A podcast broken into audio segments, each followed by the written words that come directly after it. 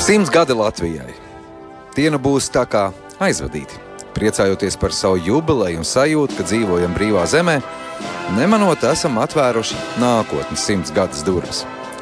Šovakar visa Latvija ir svētku virpulī, un arī mēs Latvijas Rādio 1 esam prom no studijas, no sava tik ierastā klusuma, un atrodamies pie brīvības pieminiekļa. Es jums varu tikai apgalvot, ka šeit viss mirdz, spīd un tiešām jauki un priecīgi izskatās.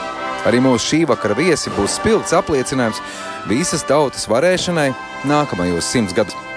Tiksimies ar jaunām māmiņām un tēti, kurš, kuriem katram ir savi darbi un rūpes, bet svētkos smaids, jo esam kopā šeit, starp savējiem.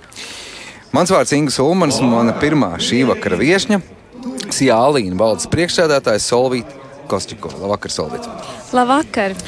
Matemātiķa un četru bērnu māmiņa kas nodarbojas ar māliem, un tev pašai ir ļoti daudzsološs uzņēmums. Eh, mums bija kāda tikšanās kādu laiku atpakaļ, un tad bija vēl tādas priekšnojautas. Tagad tu šeit iekāpjot pie manas mašīnas, un es tā, nu, vienkārši jautāju, kā tev iet.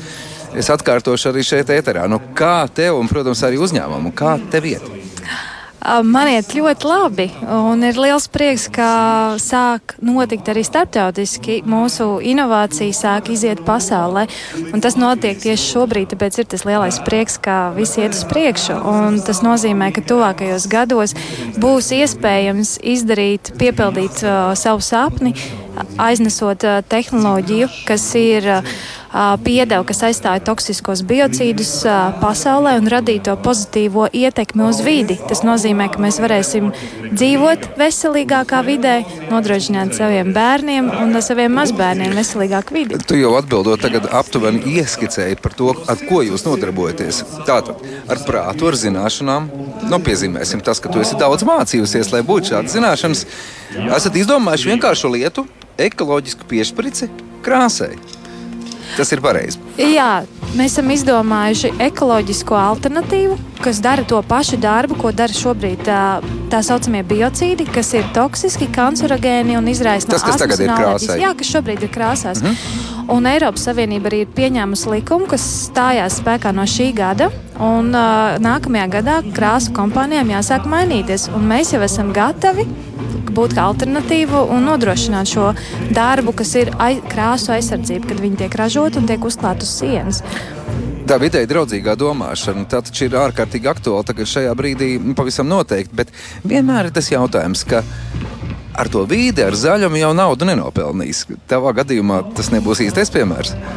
Uh, ir tā, ka, ja mēs skatāmies uz ķīmijas industriju un tu gribi iet ar zaļajām lietām iekšā, tad šobrīd ir tā, ka tev ir tai, teiksim, inovācijai ir jābūt, jādara tas pats darbs, ja ne labāks, ir jābūt uh, līdzvērtīgam izmaksās, un, un uh, zaļums tas nebūs vienmēr pārdošanas, uh, nu, tā kā pārdošanas. Uh, uh, lai viņu pirktu, bet uh, pasaule mainās un tā kritiskā masa arī, ja mēs skatāmies uz krāsu industriju vai citām industrijām, ka tomēr uh, cilvēki jau ir tie, kas izvēlās šo zaļumu vai vēlmi dzīvot veselīgāk. Nu jā, mēs pieprasām. Jā, un, un tas ir tas, kas ir, uh, var, just jau šī kritiskā masa ir jau tik liela, ka krāsu nozare arī saka, mums ir divas problēmas. Ne tikai tas, ka Eiropas Savienība regulē, bet arī tas, ka ir parādās klienti, kas saka, jā, mēs gribam produktus, bet tikai veselīgus, ne tikai ilgspējīgus, bet arī kas ir veselīgi. Tu esi tajā, ko sauc par zinātnes komercializāciju. Un tas ir atkal viens pierādījums, cik ir svarīgi un labi un laicīgi ilgtermiņā ieguldīt zinātnē, izglītībā. Labas lietas sanāk kopā beigās. Šī ir tāda vēl viena tēma un aizraušanās, kas man ir ļoti liela aktualitāte. Zinātnes komercializācija vai inovācija vai zināt, um, inovācija vai tehnoloģija pārnese, jo tādā veidā mēs rādām uh, vidi, kur šīs, uh, ja mēs pie, uh, mākam šīs tehnoloģijas pārnest, tad mēs radām iespēju, ka mēs vairāk tehnoloģiju nonāk industrijā un tādējādi mēs arī veicinām to gan zinātnieku, gan šajā nozarē strādājušo kapacitāti. Un arī Latvija var iziet ar ļoti daudz labām inovācijām, tehnoloģijām pasaulē. Tikai, protams, mums ir jāmāk to darīt. Un tāpēc man, man ir liels prieks, ka arī tā kopiena, kas tagad ir jau pirmos, kā teikt, kucēns noslīcinājuši, iemācījušies tās tehnoloģijas pārnest uz industriju, viņi paliek aizvien vairāk, zinošāki, prasmīgāki, un tas viss notiek ātrāk un mazāk riskiem un mazāk kļūdām. Un tas nozīmē, ka jā, mēs varēsim aiznest Latvijas vārdu. Tas nozīmē arī to, ja kādam padomu vajag paskatīties vai uz jūsu uzņēmumu vai arī uz tevi, un tev padoms būs rokā. Uh, jā, padoms vienmēr, uh, vienmēr ir uh, laipni dot. Pa, es esmu gatava palīdzēt pa, ar padomiem, kā arī savest kopā ar līdzīgi domājušiem vai citām industrijām, kas ir tuvāk, kas ir tie cilvēki, kas nodarbojās ar šo profesionālu. Tā bija četri bērni ir šeit. Starp Nē, mani, nē, man četri bērni nav šajā lielajā pūlī. Ir tikai viens, kas jau tāds pieaugušāks un, un klīst. Tā kā man ir tā saucamā modernā ģimene, kur ir dažādi bērni no dažādām, dažādiem vecākiem kopā, tad līdz ar to viņi svētkos ir dažādās kombinācijās. Tas tikai nozīmē to, ka visu var arī savienot visu var savienot, tā parasti no malas izskatās, bet realitāte, protams, vienmēr ir grūtāka. Un tad ir tā, ka liekas, ka tu nekad neko nepaspēji. Piekrīt, ka svētku laikā taču gribās teikt, ka viss ir iespējams. Uh, jā, to, to gribās teikt, un to gribās arī darīt. Un, uh, man jau liels prieks, ka ir iespēja jau arī sanākt kopā dažādās kombinācijās un svinēt uh, dzimšanas dienu. Un šobrīd, kā teikt, šodien iespraust vienu svecīti, jo sākam atskaiti no 101 gadu. Un, kopā ievēlēties vēlēšanos par godu Latvijai un novēlēt sev un Latvijai. Mums, mums, mums ir bijušas divas tikšanās, būs trešā tikšanās, un es, mēs atkal būs par ko parunāt, jo es vienmēr tavās acīs redzu to enerģiju un tā cilvēku Latvijas nākamajiem simts gadiem ārkārtīgi vajadzīgi. Priecīgs svētks tev, Solvit! Es atgādināšu, ka mūsu šī vakara viesnes ir Alīna Valdes priekšsēdētājs Solvit Kostjakov. Priecīgs svētks vēl un tavai ģimenei. Paldies! Paldies tev. un daudz laimes visiem šodienas svētkos. Un, uh, lai mums visiem ir tas ziņkārība un ziņa turpināt attīstīt ne tikai sevi, bet arī Latviju un visus uh, mūsu tos cilvēkus. Paldies! Paldies. Tev. Bet eh, mēs gaidot nākamo viesu, varam tikai atgādināt, ka šeit pie brīvības pieminiekta šajā brīdī notiek ārkārtīgi aizraujošs koncerts. Cilvēki dzied līdzi dziesmas, protams, kuras ir ierasts klausīties bijušas pirms tam. Un tagad visi jau, protams, par cik vārdus zina, tad ir ārkārtīgi jauki dziedāt. Šeit man ir ienāks mūsu nākamā viesņa. Es iedošu mikrofonu tev rokā. Labvakar! Labvakar! Mūsu nākamā viesņa, nu, es teikšu tā, jauna māmiņa. Jā. Karina Petersona. Uh, Karina, mēs esam arī tikušies pirms tam, pirms šīs sarunas, un tavā dzīvē bez grūtībām, ko esi piedzīvojis.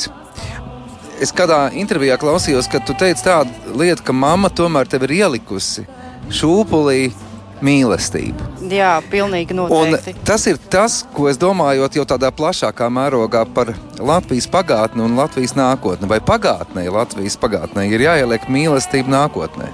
Noteikti. Uh Jo nākotne jau ir atkarīga no, gan no pagātnes, gan no tagadnes. Tas noteikti ir jāieliek. Pamatu pamats, mīlestība. Jā, jā. Bez bērnu namiem tas ir tāds, tā ir uzruna. Un eh, sauklis, kurš, starp citu, kā no nesenā laikā ir bijis Latvijā ļoti aktuāls, mm, gribu zināt, par cik tā ir viena no lietām, par kurām tev deg sirds. Kā tā stāvoklis ir šis brīdis Latvijai tieši par bērnu namiem runājot? Uh, nu, tā labā ziņa ir tāda, ka uh, arvien vairāk un vairāk sabiedrība sāk saprast, ka bērnam nav jāaug bērnamos, un tas ļoti priecē, uh, kad sabiedrība sāk redzēt un uh, sajust tos bērnus. Bet, nu, protams, vēl ir, um, vēl ir ļoti, ļoti milzīgs uh, darbs priekšā. Un, uh, un tīri uh, arī, nu, ko es arī redzu, nu, tādā. Tas, ko es arī ļoti ceru nākotnē, kas būs, kad um, nu, mēs Latvijā iedzīvotāji kļūsim ar vien tādi līdzatbildīgāki par, uh, par bērniem, uh, kuriem principā nu, vajadzīga ir mūsu aizsardzība. Nu, Šī jomā mums vēl ir ko darīt, bet es tā uz, gribu palikt pie tās pozitīvās nots, ka ir izmaiņas arī domāšanā sabiedrības. Ir izmaiņas, Jā. bet uh, joprojām nu, ir tāds atklātais jautājums - norakstītie bērni jeb derīgi, jeb nederīgi Jā. bērni. Un tu zini, no vienas puses jau mēs ar vārdiem sakam, mēs ļoti labi saprotam. Neviens te nebūs, kurš teiks, nē, nē, nē, mums nav nederīgi bērni. Kaut kur iekšpusē. Jā. Kā, kā tev šķiet? I, e, ir, uh, ir, un tas ļoti izteikti ir tieši bērniem ar īpašām vajadzībām. Tas ir tāds, diemžēl, mantojums, kā mēs, tas ir, nu, tas, mēs redzam cilvēku, vai nu viņš ir derīgs vai nederīgs, un bērni ar īpašām vajadzībām ir bijuši uzskatīti par nederīgiem. Bet, nu, kas, nu, tas jautājums ir, nu, ko nozīmē derīgs. Šis bērns mums iemāca ļoti, ļoti daudz, ko, ko citi nevar iemācīt. Mhm.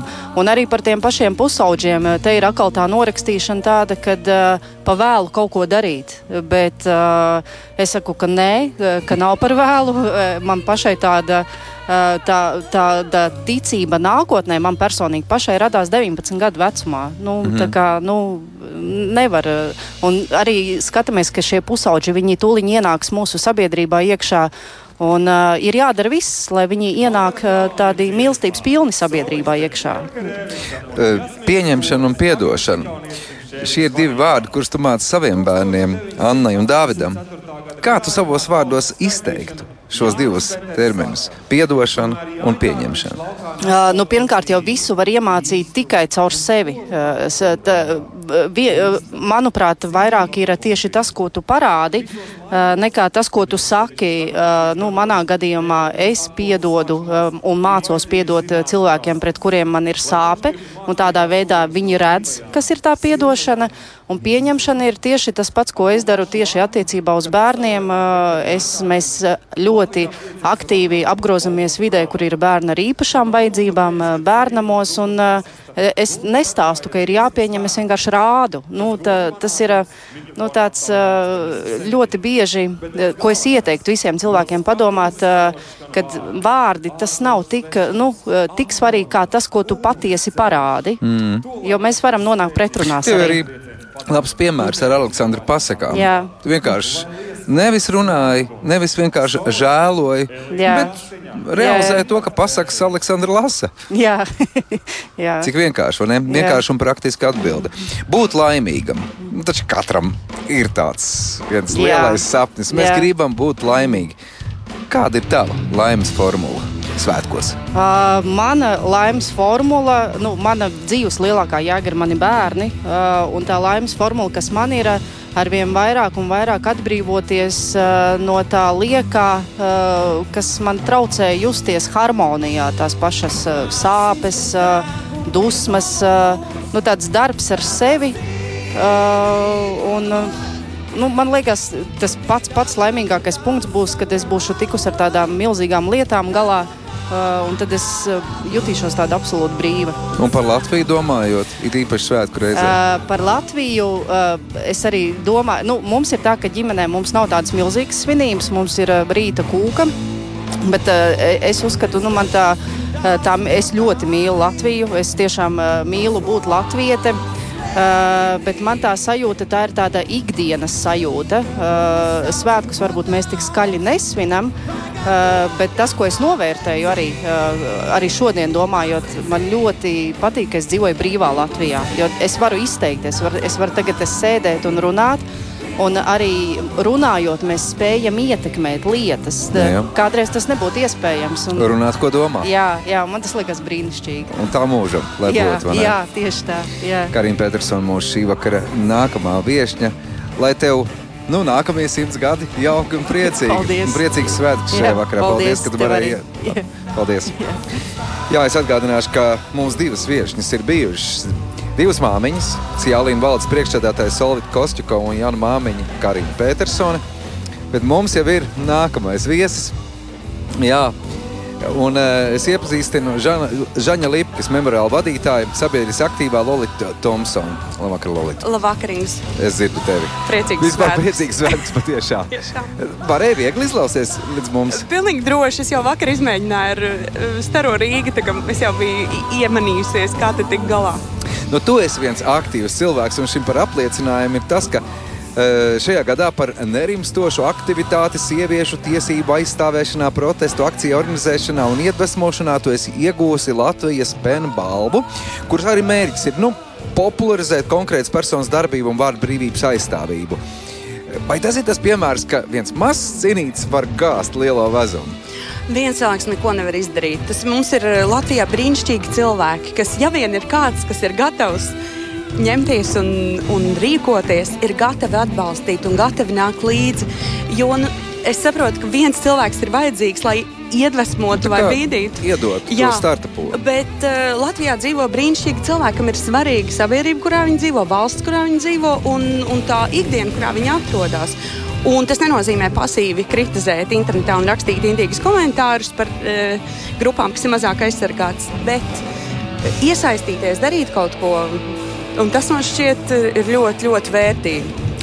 Nu, Izglābt vienu dzīvību nozīmē izglābt visu pasauli. Tad tu zini, par ko es runāju. Par Žanu un par Žan citiem ebreju glābējiem. Tiešām klusais varoņdarbs. Nu, tā tad esam varējuši arī agrāk. Jā, Latvijā ir aptuveni 720 gadījumi, kad kara laikā, otrā pasaules kara laikā, cilvēki, kas bija gan pēc tautības, latvieši, uh, krievi, romi, uh, dažādi mm, cilvēki uh, glāba savus līdzcilvēkus. Un tas, man liekas, ir diezgan. Uh, tāds drosmes akts, kas šobrīd liekas pilnīgi neticams, jo par to jau draudēja milzīgs sots. Protams, un cilvēki bija ne tikai gati, sots, bet nāve, iz, nu, nevis izsūtījums, vienkārši nāves nometnes. Un, uh, un tas, ka šādi cilvēki bija un ka viņi ar to savu drosmes paraugu, un ja tu viņiem prasi daļās interviju, viņi atbild, nu es nevarēju savādāk. Jā. Nu, tas jau tikai cilvēcīgi. Viņi nemaz sevi kādiem varoņiem, protams, pat nav uzskatījuši. Un tā iekšēji tu sev jautā, vai tu tā varētu? Jā, man bail pat kaut ko tādu jautāt. Es man gribētos cerēt, bet es zinot, kādas, eh, zinot, ka ja ir ģimene, kur mm. tu apdraudi tādā veidā, tā ir tik grūta es nezinu, izlemšana. Man liekas, tas nav tu, vienkārši. Vispār par vēsturi runājot, viena būtiska lieta, īpaši aizvedot simt gadu un tagad sagaidot nāko, nākošo simt gadu, vai ne? Mm, vai mēs spējam tā īsti, kritiski paskatīties arī uz savu, uz sevi, savu nākotni, pagātni? Man liekas, ka ir vismaz mēģinājums to darīt, un to pierādīja liekas, arī simtgadus filmas. Un, un, uh, un cilvēku diskusijas eh, par vēsturi, ne tikai par ebreju glābšanu, kas bija viss, kas bija ar Žaņa Lipkas filmu saistīts, uh, bet šobrīd arī vispār saruna par to, ka Latvijā arī brīvības cīņās piedalījās latvieši un ebreji un vācieši patiesībā, mm -hmm. kas ir liekas, ļoti neparasti. Un uh, vienmēr runājot par cilvēkiem, par kuriem mēs noliekam svecītas 11. novembrī, man gribētu atcerē, gribētos atcerēties, ka piedalījās arī mazākuma tautības. Tā Latvija ir veidojusies no ļoti dažādām grupām, dažādiem cilvēkiem, kuri ir visi bijuši tobrīd valstī vērtīgi. Un zaudējot neatkarību, mēs to cilvēku zaudējām. Viņi, viņi vienkārši, viņus vienkārši noslapkavoja. No novembra beigās tev vismaz bija, es nezinu, vai būs. Būs, jā, jau ceturto gadu. Jā.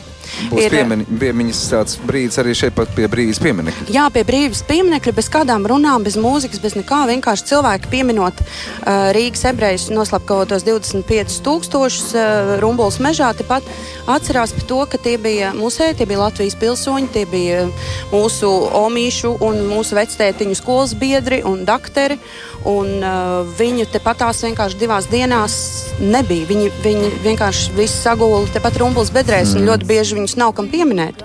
Jo vienkārši viņi gāja bojās visām ģimenēm.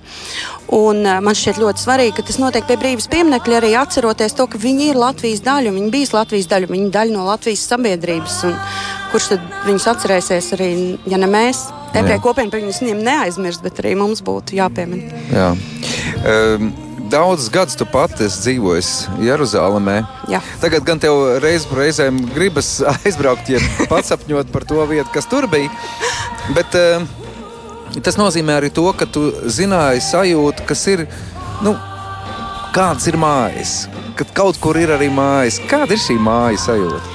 Mājas sajūta ir ļoti dīvaina, jo tad, kad tu dzīvo Jeruzalemē, tev visu laiku ir jāstāsta par Latviju un tevi prasa, un grib dzirdēt, kā skan latviešu valoda. Ja tu zinātu, cik bieži man ir nācies cilvēkiem, kas nesaprot ne vārdu, mm -hmm. runāt visādas dīvainas lietas, latviešu, jebko. Nē, tieši tā, jā, un es saku, es neko nesaprotu. Un tad es reizēm skaitīju, esmu tur raini vai vienkārši kaut kādas ikdienas ziņas viņiem stāstījusi, jo viņi grib zināt, kā tas izklausās. Un, man liekas, tā interese ir liela, un uh, ir cilvēki, kuriem ir rūktas atmiņas par Latviju, nu, tas arī jāsaprot, kad viņi to atceras uh, savādāk. Bet, Bet uh, vispār lielākā daļa arī turklāt, kas ir bijuši šeit, vienmēr apbrīno, ka Latvija ir tik tīra un zaļa. Un, uh, es nezinu, viņas ar, vienmēr mēģina aizvilkt uz tādām vietām, gan sākot no Kaņepes centra līdz uh, Jurmalai un līdz Kolkai, lai redzētu, cik Nu, kas, ir skaisti tās, ir zeme. kas ir tie punkti, ar ko mēs izceļamies, lepojamies? Jo nav svarīgi būt visiem vienlīdzīgi. Kas ir mūsu lielie trumpi, kā tev šķiet? Es ļoti ceru, ka viens no tiem ir latviešu spēja varbūt pasmieties par sevi un ironizēt. Jo par in, es ļoti ceru, jo Oh. par introvertu kampaņu, nu, iedomājieties, Izrēlā pārsvarā cilvēki ļoti ekstraverti un ļoti uh, viņi nebaidās nākt klāt un uzdot jautājumus un, un visu izzināt caur jautājumiem, prasot tev. Un tad es teicu, nu, redz, mums ir vesela kampaņa veidot, balstoties uz to, cik ļoti mēs esam introverti. Mēs sēžam no tik kāds mums kaut ko nepajautā. Tā, tas ir šovakar tāds ārkārtīgi jauks noskaņojums. Visur uguntiņas mirdz. un Kas tev sirsniņā par Latviju ir sakām šajā vakarā? Es Latvijai pirmkārt tā ir brīnišķīga sajūta, ka visi ir šeit. Un, bet no otras puses man jādomā par nomīti. Jums uz, uz rāģiņa autobusa rakstīts 1925. gads. Viņa tad piedzima. Mans vecēns piedzima, piedzima divus gadus vēlāk. Viņi ir pieredzējuši brīvu Latviju, pieredzējuši arī to, kā viņa tika zaudēta. Un pēc tam piedzīvoja atzimšanu. Un, kad es eju un redzu apkārt, kas šeit notiek, man vienmēr liekas, tas būtu viņiem tik milzīgs pārdzīvojums, ka visi šie cilvēki droši var staigāt apkārt, dziedāt. Un, uh, es ceru būt arī viens pret otru saprotoši un, un iejūtīgi. Un varbūt pasargāt arī tos vājākos un tos, kam nav tā balss. Man tik pilnīgi liela. izgāja tāds tirps galviem, ko tu tagad saki. Priecīgs svētkus tev! Priecīgs sācis Ingus. Jā, paldies! Un, jā, paldies! Eh, Šī vakara viesņa, kā tajā mūsu šī vakara viesņa, Lola Thompsona, Žaņa Lipkas, memoriālā, vadī, eh, memoriāla vadītāja, sabiedriski aktīvs cilvēks. Un jau nāk nākamie divi viesi. Es iedošu tagad mikrofonu. Lūdzu. Paldies. Jo. Labvakar. Mūsu labvakar. Un mūsu šī vakara vēl divi, nu jau es esmu noķēris vesels divus viesus vienlaicīgi. Latvijas televīzijas žurnālists un mākslinieks Eva un Valdemārs Johansson. Labvakar! Vēlreiz! Labvakar. Labvakar. Redz, eh, jūs esat jauna ģimene. Mazais bērns tagad skrēja apkārt brīvības pieminiektu. Ar vecmāmiņu, jā, paņemam līdzi. mums Labi, ka tās vecmāmiņas ir. Jā. Eh, Starp citu, viens interesants fakts, ka es tā paskatījos, jūs savus kāzas esat svinējuši Alpos. Bet tas nozīmē, ka jauniem latviešiem neviens kalns nav par augstu. Nu, tieši tā, tāds ir nozīmē. Mums abiem ļoti patīk daba. un Sākotnēji mēs bijām domājuši, varbūt Arktikā apprecēties. Tur bija mūsu ekspedīcija kopīgā. Tur mums neizdevās. un Tad mums tāda kopīgā mīlestība pret kalniem, pret dabu. Mēs sapratām, ka mēs dodamies uz augstāko Eiropas pilsētu, Davos. un Tad mēs Tur mums mākslas ceļi principā aiz, aizved uz turieni. Nē, es šo varu tikai iedomāties. Tu skaties no viena kalna virsotnes uz savu nākotni. Nu, vai nav simboliski savā kāzas dienā kaut ko tādu redzēt? Valdemār, tu savos darbos strādā ar dažādām skaņu mākslas formām. Vai skaņu un kaut kādu nu, muzikālu lietiņu var visur atrast? Viņa eksistē visur. Uh, nu, mēs jau uz skaņu varam skatīties arī tādā nedaudz plašākā nu, nozīmē, kā visa veida vibrācijas, visa veida svārstības. Un tad svārstības ap kādu centra punktu, ap kaut kādu līdzsvaru pastāv viss caur dabā, pasaulē izplatījumā. Paklausies, varbūt visa zemeslodes dzīve ir viens liels uzvedums. Ko tu teiktu par šādu? Kāpēc ne? Kāpēc ne? viena liela pulsācija. Jo Valdemārs bieži vien tos datus izmanto savos darbos, un tad uh, skaniski viņus attaino, kas man šķiet interesanti. Jā, man arī interesanti ieklausīties eh, tajos ritmos, tajos pas, pasaules eh, nesaklausāmajās daļās, un tad mēģināt tajās ieklausīties. eh, Piemēram, pagājušajā gadā es eh, klausījos eh, zemes eh, svārstību ritmos, seismiskās vibrācijās, jo patiesībā mūsu zemeslode visu laiku vibrē, kustās dažādās vietās. Nu, re, es taču sacīju. Jā, jā tieši, tie, tieši tā Un ir. akmeņi arī dzied, kā tev šķiet. Jā, paklausās. Nes, bet viņi iet, bet ļoti lēnām. Jā, jā viņi, viņi pār, pārveidojās, bet uh, cit, citos laika mērogos. Viņi mm -hmm. pār, pārvietojās un kustās daudz lielākās. Eva, es tev pajautāšu, uh, jūs ne tikai redzaties Alpos, bet pieminēju jau Arktiku, kur jūs bijāt. Un, uh, tur noteikti kaut kas mainījās savā apziņā par klimatu pārmaiņām. Un tas varbūt ir tāds jautājums, kurš ir nu, šajā brīdī ārkārtīgi aktuāls. Un te jau nedomāju tikai par Latviju, bet kopumā par visu zemeslodi. Ko tu domā par klimatu pārmaiņām? Uh, protams, nu, tas ir liels jautājums, protams, bet es domāju, tā ir tāda mūsu ikdienas apziņa. Jo skaidrs, ka daudzi saka, ka mēs jau neko nevaram mainīt, un lielās valstis un daudz kas cits. Bet es domāju, ka katrs ar kaut kādu nelielu izmaiņu savā dzīvē spēj kaut ko mainīt. Un šobrīd tās klimata pārmaiņas, tas ir tiešām fakts. Tur vairs nevar teikt, ka tas ir kaut kāds vienkārši pārmaiņas, kas notiek uz planētas. Tas tiešām notiek. Un es domāju, tādā mūsu ikdienā, mūsu ģimenēs mums ir jāsāk domāt, kā, mm, kā pievērsties. No, nu, labi, ko jūs darat? Ko jūs plasmasu šķirojat? Nu, es, es pat teiktu, vēl, vēl, vēl vairāk tālāk. Tā tā, tas, ka mēs mūsu valstī esam relatīvi neliels iedzīvotāju daudzums. Mums, kā nelielai komunai, ir daudz vieglāk un vienkāršāk īstenot pārmaiņas. Tas man liekas, ir tāds potenciāls, ko mēs noteikti varam izmantot vēl vairāk. Es pilnībā piekrītu. Vai tas nozīmētu no tava, tavas atbildes tālāk, ejot, ka mēs varētu būt paraugs citām zemēm? Nu, viņiem grūti tādai Vācijai vai, nezinu, Krievijai vai Ķīnai kaut ko tur pārmainīt. Jā, ab, absolūti. Es domāju, tas varētu būt viens no virzieniem, kurā mēs ejam, ka mēs iedzīvinām prakses, testējam, eksperimentējam, atrodam labākos risinājumus. Noteikti. Pirmkārt, parūpējamies paši par savu zemi. Es domāju, ka piekrastes izciršana noteikti nav labs risinājums. Rūpējoties par savu piekrastu, par savu jūru, tas jau vien ir daudz. Domāju, arī tādā ikdienā nu, tā iestāties par to, lai mēs saglabājam savus kokus lielpilsētā. Es pagājušā gada, kad gaidīju savu dēliņu, ļoti kā grūtnieci izjūtu, ka pilsētā trūkst koku un pavēņa. Un tādai tīri gan skābekļa, gan pašu labsajūtāji saglabāt to zaļumu un iestāties par to, ka mēs arī, piemēram, Rīgas centrā neļaujam izcirst kokus stādām vēl daudz jaunas. Mums ir sapnis kādreiz Baltimārā iestādīt mežu. Zinu, ko es tagad tikko dzirdēju, ka varbūt nākotnē jūs pārceļaties uz laukiem dzīvot. nu, ziniet, kā es esmu dzīvojis lielās uh, pasaules pilsētās, un es teikšu, godīgi, arī Rīga nav tik liela pilsēta. Dzīvojot Indonēzijā, Medanā. Uh, Rīga gandrīz kā tiešām kā tāda nu, noteikti pilsēta, bet tas nav tā, mēs esam tik tuvu laukiem, ka mēs jau gandrīz dzīvojam laukos. Zinu, kā mācīties cēlītis, eh, savulaik nosauca Latviju par jauku dabas stūrīti. Kā jūs raksturot šo vārdu jauks? Kas te ir tik jauks un mīļš? Brīnumjauks. Es domāju, Latvija tiešām izceļot pasaulī, šī ir vieta, kur kur ir tik labi, kur ir kur elpot, nav pārbāzta ar cilvēkiem, ir skaista daba, ir skaistas pludmales, brīvas, tukšas. Tas ir kaut kas, ko nu, tas tā ir tā ekskluzīvā iespēja, kas mums ir dota. Arī, arī tas, ka mums ir uh, tik, tik daudz plašumu, un tukšu un neapstrādātu zemju, un uh, mežu un piekrastu, tas ir uh, milzīgs ieguvums, kas daudz kur pasaulē nav pieejams. Ne, jā, izējot no tā, ka mums nekultivēja tik daudz, tad mums ir arī pļaus. Kaut gan zinātnieki saka, ka ar pļavām mums un bioloģisko daudzveidību reizē kā ir. Kā ir. Tikai viens procents apmēram mums ir bijusi tādas tiešām dabiskās pļavas, tāpēc arī tas ir jāsargā. Kā tad mēs līgo svētkos varēsim vainīgu spīt? Jā, pilnīgi droši. Pilnīgi droši. Pļauju un mums pietiek eh, gan vainīgiem, gan uh, vis, visam citam pārējiem.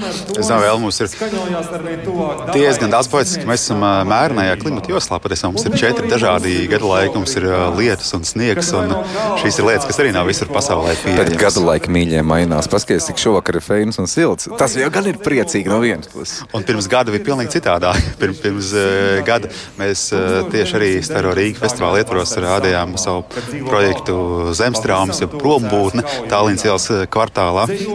Un tas bija tieši mūsu Arktikas kino daudzkanālu darbs, dokumentāli tāda kino vide par Arktikas vidi kopā ar skaņām.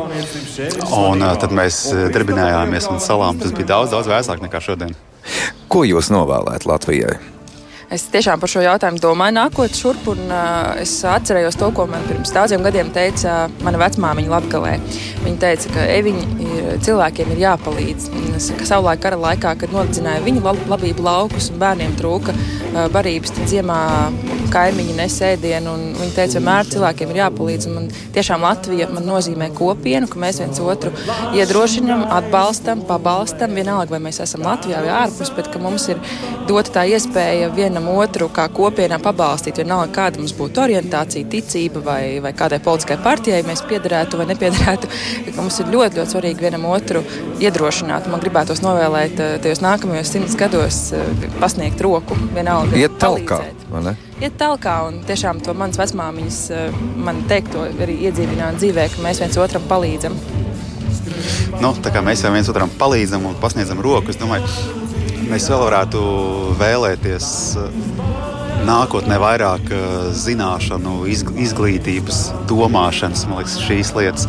Noteikti nevar būt par daudz, un tīpaši tā kā mēs esam ga, gana nelieli, man liekas, tas varētu būt mūsu. Jā, tas var būt. Nu, tas, jau mēs atgriežamies pie tā, ko tu sākotnēji teici. Ja mēs gribam būt kā laboratorisks paraugs, nu, nepārprotot vārdu laboratorisks, nu, tad taču ir jāmācās, kārtīgi jāmācās. Absolūti. Zināšanās ir spēks. Jāatbalsta, jāatbalsta mūsu zinātnieki. Jā, tie, tie, tie, tie, kas ir iedziļinājušies dažādos īstenības aspektos un tos pētījuši, cik nu, pamatīgi tas ir iespējams. Šobrīd. Kā jūs nosauktu to izrādi? Es atgriežos pie sava filozofiskā jautājuma. Kā šī zemeslodes izrāde varētu saukties skaņu? Klātbūtne. Jā, klātbūtne dzīvošana šeit un tagad, apzināšanās ar to, kas notiek ar mūsu planētu, ar mūsu pašiem un tādu klātbūtnes, nevis prombūtnes stāstu veidot. Nu, ja mēs esam klāt šeit un tagad, kā tad mēs varam būt un domāt par nākotni, ja nedomājam par to, kas ir tagad? Lai šī tagad mums izdodas jauks svētku brīdis šajā vakarā, es jums novēlu. Uh, Eva un Valdemārs Johansson mūsu šī vakara viesi šeit, Latvijas Rādio 1. Priecīgs svētks jums abiem! Un, uh, Paldies. Drīz arī prezidents uzrunās. Un tā kā ejiet un klausieties. Priecīgs svētks jums visiem Latvijas radio viens klausītājiem. Paldies par sarunu. Paldies. Lai mums izdodas. Es atgādināšu, ka Jā, Eva un Valdemārs Johansson mūsu šī, jā, to mikrofonu. Paldies! Bija šī vakara viesi, bet ne tikai viņi. Šovakar mēs esam runājuši ar vairākiem cilvēkiem, un katrs ir vairāk vai mazāk apliecinājis to, kā tā Un katrs ir vairāk vai mazāk apliecinājis to, ka mēs patiešām spējam un varam, un ne tikai domājam par pagātni, bet domāsim noteikti arī par nākotni. Mums tas izdosies, jo mums taču ir spēks un iespēja un arī zināšanas. Zināšanas, jā, tās nu, tā nu ir lieta, par kurām mums latviešiem vienmēr ir jādomā. Drīz, pavisam drīz būs arī Latvijas prezidenta Egila Levita uzruna. Atgādinās, ka šī ir pirmā Egila Levita uzruna 18. novembrī pie brīvības pieminekļa.